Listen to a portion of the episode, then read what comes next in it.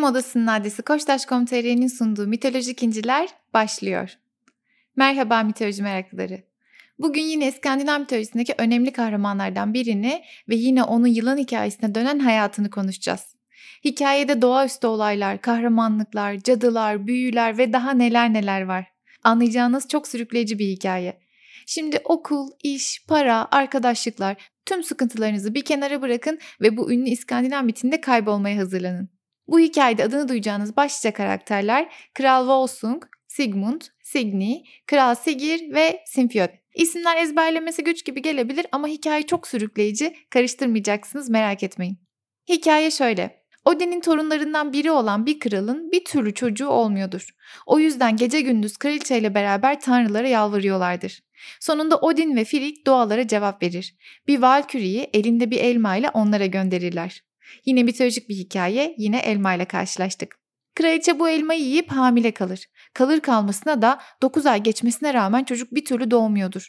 Aylar yıllar geçer çocuk doğmaz. 6 yıl sonra artık kraliçe hamilelikten oldukça bitkin düşmüş haldedir ve bebeğin hayatından endişeleniyordur.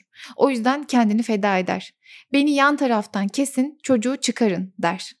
Dediğini yapıp çocuğu çıkarırlar. Çocuk normalden çok daha iri doğmuştur. Tabii onca yıl anne karnında büyümekten olacak. Bebek ölmekte olan annesine bir öpücük verir ve kraliçe gözlerini yumar. Bu bebeğe Volsung adını verirler. Çocuk büyüyünce annesine elmayı getiren Valkyrie ile evlenip tahta geçer. Volsung ve Valkyrie'nin bir kız on erkek çocukları olur. Kızın adı Signy'dir ve erkeklerden Sigmund'la ikizdir.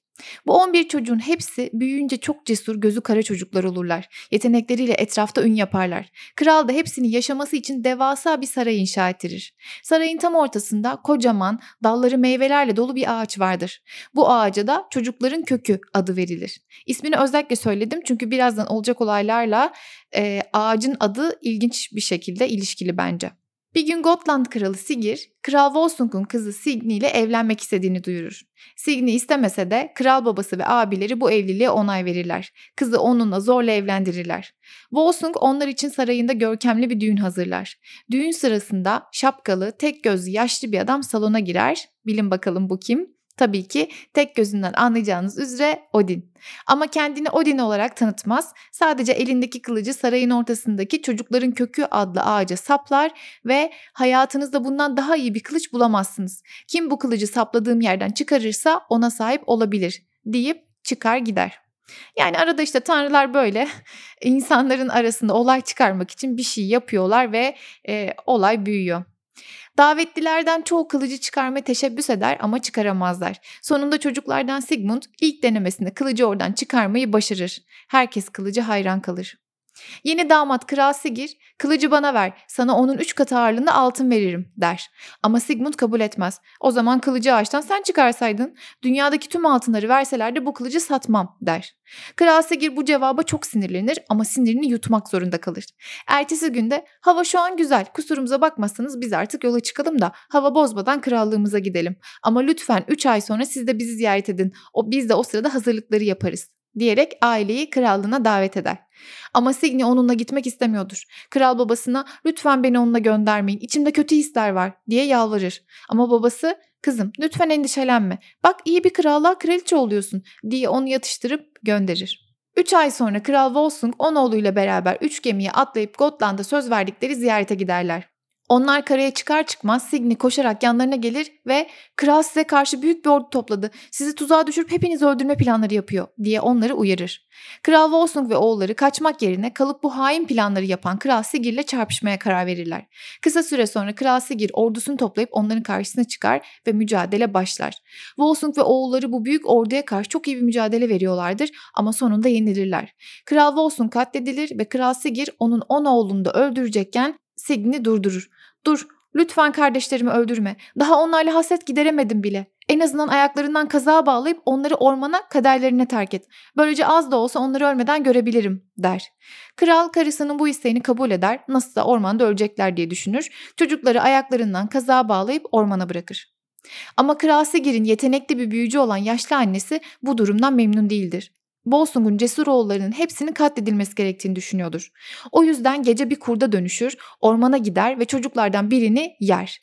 Ertesi gece yine kurda dönüşüp başka bir çocuğu yer. Bu böyle 9 gece devam eder ta ki sıra Sigmund'a gelene kadar. O gece kurdun yine gelip bu kez de Sigmund'u yiyeceği bellidir. O yüzden Signy ile Sigmund bir plan yaparlar. Signy adamlarına Sigmund'un yüzünün balla kaplanmasını emreder. O gece kralın yaşlı annesi yine kurda dönüşüp geldiğinde Sigmund'un yüzündeki balı fark edince önce balı yalamaya başlar. O sırada Sigmund kurdun dilini ısırır, kurt acıyla kazığa vurmaya başlar, kazık ikiye ayrılır, Sigmund kurtulur, kurt da ölür. Signy özgürlüğüne kavuşan kardeşini görmeye gider ve gizlice plan yapmaya başlarlar. Sigmund ormanda bir ağaç ev inşa edip orada kalmaya başlar. Ev demişken burada kısa bir mola verip size bölüm sponsorumuz Koçtaş.com.tr'den bahsedeceğim. Şimdi evlerde Koçtaş.com.tr moda. Koçtaş.com.tr çeşitli kategorilerde artık yüz binlerce ürün ve Koçtaş güvenceli yüzlerce satıcısıyla evinize güzellik katıyor. Koçtaş garantili nakliye ve montaj hizmeti, ödeme kolaylığı ve çeyrek asırlık Koçtaş güvencesiyle sizleri bekliyor.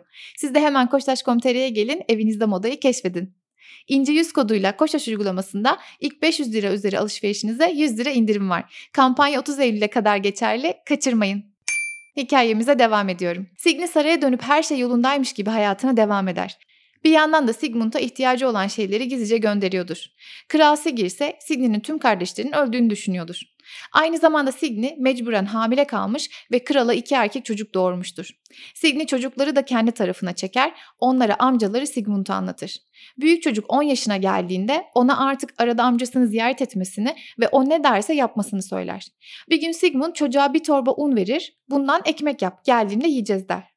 Geri döndüğünde çocuğu bıraktığı gibi bulur. Neden ekmek yapmadın diye sorar. Çocuk endişe içinde cevap verir. İçinde hareket eden bir şey vardı. Torbaya dokunmaya korktum. Sigmund olanları Signy'ye anlatır. Signy de o zaman öldür onu. Bu kadar cesaretsizse demek yaşamayı hak etmiyor der. Vikinglerde cesaret söz konusu olunca ana yüreği denen olay her zamanki gibi olmayabiliyor gördüğünüz gibi. Böylece Sigmund yeğenini öldürür. Sonraki yıl Signy amcasının yanında eğitilsin diye diğer oğlunu gizlice onun yanına gönderir. Sigmund aynı şekilde ona da un torbasını verip ekmek yapmasını söyler. Bu çocuk da yapamaz. Signy ile karar verip bu çocuğu da öldürürler. Signy bakar ki bu iş böyle olmayacak. Kral Sigir'den doğurduğu çocuklar hep korkak çıkıyor. Bir cadının yardımıyla görüntüsünü değiştirir. Başka bir kadının kılığına girer. Abisinin yanına gider. Ona kim olduğunu söylemez ve beraber üç gece geçirirler. Iy, bu arada ensest ilişki çirkinliği konuşmak zorunda olduğumuz için çok üzgünüm. Sonra krallığa dönüp normal haline dönüşür.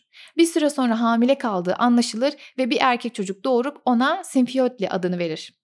Bu çocuk önceki çocuklardan çok farklıdır, çok cesurdur. Annesi Signy ona öyle sıkı bir ceket örer ki ceket çocuğun kollarına yapışıyordur ama çocuk hiç rahatsızlık belirtisi göstermiyordur. Signy ceket çocuğun üstündeyken tutup ceketi yırtar, öyle sert çeker ki çocuğun derisinin bir kısmı da beraberinde gelir ama çocuk Volsunglar böyle küçük şeyleri dert etmez diyerek rahat davranıyordur. Bakın burada o zamanın kültüründe soyun ne kadar önemli olduğuna dair bir vurgu var. Signy her ne kadar asil ve cesur bir aileden gelirse gelsin, Kral Sigil gibi sıradan ve sinsi bir adamla olan evliliğinden olan çocukları korkak oldular. Ama kendisiyle aynı soydan cesur kardeşinden yaptığı çocuk safkan olduğu için kendileri gibi cesur oldu. İğrenç bir düşünce ama buna inanmışlar demek ki.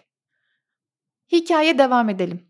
Annesi Sinfiotti'nin bu gözü kara duruşundan çok memnun kalır. Son bir test için onu Sigmund'un yanına yollar. Sigmund ona da aynı un torbasını verip çıkar. Geri döndüğünde görür ki çocuk ekmeği çoktan pişirmiştir. Peki unun içinde bir şey buldun mu diye sorar. Çocuk cevaplar.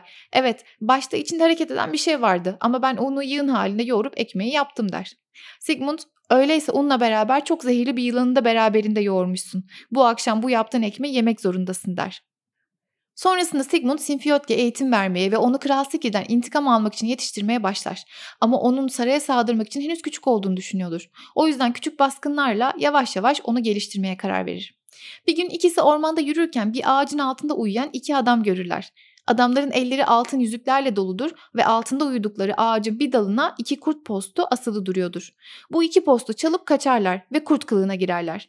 Efsane o ki bu postları giyenler her 10 gün boyunca kurda dönüşüyor. Sonra sadece bir gün normal insan haline dönüşebiliyor. Sonraki 10 gün yine mecburen kurt oluyorlardır. Sigmund Sigmund ve Sinfiotti de bu şekilde kurda dönüşüp krallığın her yanında türlü olaylar çıkarırlar. Bir gün kurda dönüşmüş haldeyken Sigmund dayanamaz, Sinfiyotli'yi boynundan ısırır, sonra da onu bir şekilde hayata döndürmeyi başarır. O yüzden kurt olmaya lanet ederler, eve dönüp insan olacakları günü beklerler. O gün geldiğinde posta çıkarıp yakarlar ve, ve bu kurt macerasına son verirler. Sinfiyotli artık yetişkin bir delikanlı olduğunda ikisi beraber artık saraya saldırmanın zamanı geldi diye düşünürler. Zırhlarını kuşanıp saraya girip saklanırlar. Bu arada geçen zamanda Signy ve Kral Sigir'in iki çocukları daha olmuştur. Çocuklar sarayın salonunda oynarken oynadıkları bilezik yuvarlanıp Sigmund ve Sinfiyotli'nin saklandığı yere kaçar.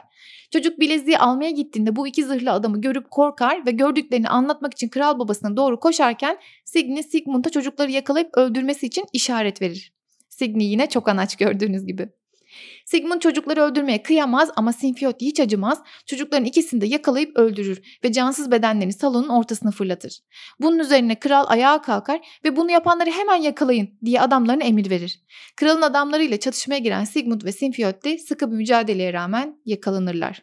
Devasa bir taş ve tezek yığının içine ayaklarından prangalı halde tutsak edilirler ve ikisinin arasında taştan bir duvar örülüdür. Yine Signy'nin yardımıyla bir kılıç bulurlar ve oradan çıkmayı başarıp tüm sarayı ateşe verirler. Her yeri bir anda alevler sarar. Sigmund Signy'ye hemen oradan çıkmasını söylese de Signy çıkmak istemez. Kral Sigurd'den nefret ederek yaşıyordum ama ondan intikamımı aldım. Ondan doğan tüm çocuklarımı öldürdüm. Sinfiyot de onun değil senin çocuğundur Sigmund. Şimdi artık seve seve ölebilirim der. Sigmund ve Sinfiotli oradan çıkarken geride kalan tüm krallık yanıp kül olur. Onlar da eskiden Sigmund'un babası Volsung'un hükümdar olduğu topraklara yelken açarlar. Sigmund orada ünlü bir kral olur. Bu hikaye böylece bitiyor ama biz Sigmund'un oğlu kahraman Helgin hikayesini de anlatalım istiyorum. Bu hikayede adını duyacağınız başlıca karakterler Helgi ve Sigrun. Helgi az önce hikayesini dinlediğiniz kahraman kral Sigmund'un oğlu, Sigrun ise bir valküre. Kahraman Helge'nin doğumu ile ilgili bir şiiri seslendireyim size. Sabah vakti kartallar bağırırken ve gök dağlarında kutsal yağmurlar yağarken kalplerin gururu Borgild'in oğlu Helgi doğdu Brauland'da. Gece sarınca meydanları geldiler nonlar. Bahşettiler asilliği, biçtiler günlerini, biçtiler günlerini. Cesur bir kahraman olacak dediler. Nihayetinde ise onu tüm kahramanlar içindeki en şanslı kişi haline getirdiler. Yücelerdi. Kuleler bir bir yıkılırken Brauland'da ördüler kader ağlarını. Altın iplikleri gerdiler ileriye doğru ve tam orada tuttular ayın hükümdarlığı altında. Ne doğuda ne batıda sanki sona ermiyordu kralın toprakları. Bu topraklar arasında kuzeyin de kuzeyinde Nornar ipliğin bir ucunu iliklediler. O şekilde sıkı sıkı tut dediler. İşte kahraman Helgi'nin doğumu bile böyle şiirlere ilham olur. Onun nasıl ünlü bir kahraman olacağını öğrenen kuzgunlar şimdiden ağaçlara tüneyip savaş meydanında öldüreceği cesetleri beklemeye başlarlar.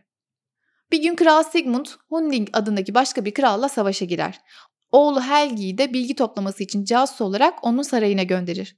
Her şey güzel gidiyordur. Helgi faydalı bilgiler topluyordur. Tam saraydan ayrılacakken dayanamaz ve gerçek kimliğini itiraf edip oradan uzaklaşır. Kral arkasından onu yakalamaları için adamlarını gönderir. Helgi kadın kılığına girip bir değirmenin başında işe koyulur. Gördüğünüz gibi İskandinav mitolojisinde erkekler ne kadar güçlü ve savaşçı, maskülen olsalar da kadın kılığına girmekten çekinmiyorlar gerektiğinde. Adamlar gelip bu kadının nasıl bu kadar güçlü olduğunu görünce şüphelenirler. Oradakileri sorguya çekerler. Bu kadın bu değirmeni bu kadar güçlü çevirmeyi nasıl başarıyor? Onlar da Helgi'yi korumak için çok doğal çünkü bu kadın esir düşmeden önce bir savaşçıydı diyerek adamları savuştururlar. Görüyorsunuz bir kadının savaşçı olması çok doğal o kültürde. Bir süre sonra Helgi adamlarını toplayıp Kral Hunding'in karşısına çıkar ve savaşta kralı öldürür. Bu olaydan sonra Helgi Hundingsbane adını alır yani Hunding'in felaketi. Bu olaydan sonra gemisine Sigrun adındaki bir valküri havadan süzülerek iner. Helgi'ye seni önceden görmüştüm. Büyük gemideydin. Kan kırmızı Pruva önünde dikiliyordun ve buz gibi dalgalar etrafına savruluyordu deyip gider. Bu sırada Helgi'nin öldürdüğü Kral Hunding'in oğulları babalarının intikamını almak için Helgi'nin peşine düşmüşlerdir. Helgi onları da katleder. Bu olaydan sonra Valkyrie Signun tekrar Helgi'nin yanına gelir. Kollarını onun boynuna dolar ve Helgi'yi öper. Yardımına ihtiyacım var. Babam beni Kinder Prens Hodbrod'la evlendirmek istiyor. Kurtar beni der. Helge ona yardım etmeyi kabul eder, adamlarını toplayıp denizde açılır. Ama korkunç bir fırtına çıkar. Her bir yana yıldırımlar düşüyor, gemiler alev alıyordur. Sigrun yanında getirdiği 8 diğer Valküre arkadaşıyla beraber onların yardımına koşar. Valkürler fırtınayı dindirirler ve düşmanla karşılaştıklarında savaş başlar. Savaşta Helgi ve adamları galip gelir. Sigrun'la zorla evlenmek isteyen Prens Hodbrod ölür ama maalesef Helgi'ye karşı savaşan Sigrun'un babası ve bir kardeşi de ölür. Sigrun Helgi'ye kendisini zorla evlenmekten kurtardığı için teşekkür eder ama babası ve kardeşinin ölümünden dolayı da üzgündür. Helgi onu şöyle teselli eder. Bunun için çok üzgünüm ama kader, kimse kaderinden kaçamaz. Bu sırada Sigrun'un Dag adındaki diğer erkek kardeşi babasını ve kardeşini öldüren Helgi'den intikam almak için yanıp tutuşuyordur. Bunun için Odin'i adaklar adar. Odin de ona kendi mızrağını ödünç verir. Görüyorsunuz tanrıların kimin tarafını tutacağı pek belli olmuyor. Mesela Odin aslında Helgi'nin büyük büyük babası ama Odin ona karşı kendisini adak adayının tarafını tutuyor. Çünkü onun için o kişinin ölü ya da diri olmasının pek önemi yok. Ölüm evrenler arasında bir geçiş sadece. Dag Odin'in mızrağını Helge'ye saplar ve Helgi can verir. Dag bu yaptığını övünerek kız kardeşi Sigrun'a anlattığında kız ona lanetler yağdırır. Yine bu kısmı şiirden alıntılayalım. İstediğin gibi esse de rüzgarlar, ilerleyemesin asla senin bindiğin kayıklar. Taşısın seni atlar düşmanlarından uzaklara ama asla asla erişemesinler istediğin hıza. Savunduğun kılıçların körelsin kenarları. Kendi başına doğru savurursan keskinleşsin ancak. Helgin'in intikamı olsun senin ölümün. Vahşi doğada dünyevi şeyler isteyen, her daim neşeyi bekleyen bir kurt olasın. Ama ne bir yem ne de yiyecek bir leş bulasın. Dag kardeşinin bir adam için kendisine ettiği kutsal bağlılık yeminini bozmasına ve böyle lanetler yağdırmasına çok şaşırır. Tüm bunların sorumlusu Odin. Bana kızma. Sana kırmızı altın yüzükler veririm. Krallığın yarısı senin olur diyerek onu ikna etmeye çalışır ama Sigrun Helgi'nin ölümünü hiçbir şey karşılayamaz der. Helgi için bir mezar yaptırır ve sürekli onun için gözyaşı döker. Helgi'nin ruhu Valhalla'ya gider ve Odin onu kendi sofrasında ağırlar. Bir akşam Sigrun'un hizmetkarlarından biri Helgi'nin mezarının yanından geçerken Helgi'yi ayaklanmış bir şekilde yanındaki adamlarla at sürerken görür. Hayal mi görüyorum yoksa ölüler mi ayaklandı? Yoksa Ragnarok mu geldi? Kahramanlara dünyayı ziyaret etme izni mi verildi? diye düşünerek gider ve gördüklerini Sigrun'a anlatır. Sigrun heyecanla Helgi'nin mezarının başına gelir ve aynı hizmetkarının anlattığı şeyleri görür. Çok mutlu olur. Gerçekten de ölü kahramanlara dünyayı ziyaret etme izni verilmiştir. Sigrun Helgi'ye ama saçlarına neden beyazlar düşmüş? Neden her yanın kanlı kaplı? Neden ellerin buz gibi? diye sorar. Helgi de hepsinin sebebi sensin. Zira her gece uyumaya gitmeden önce büyük bir acıyla gözyaşı döküyorsun. Kederden doğan her yaş adeta bir buz gibi göğsüme düşüp beni yakıyor. Her ne kadar topraklarımız ve neşemiz olmasa da birlikte paha biçilmez içkiler içebiliriz. Ama benim için ağıt yakmamalısın der. Gördüğünüz gibi günümüzde de çoğu kişinin inandığı ölünün ardından ağlanmasının onu öteki tarafta rahatsız edeceği düşüncesi ta o zamanlara dayanıyormuş.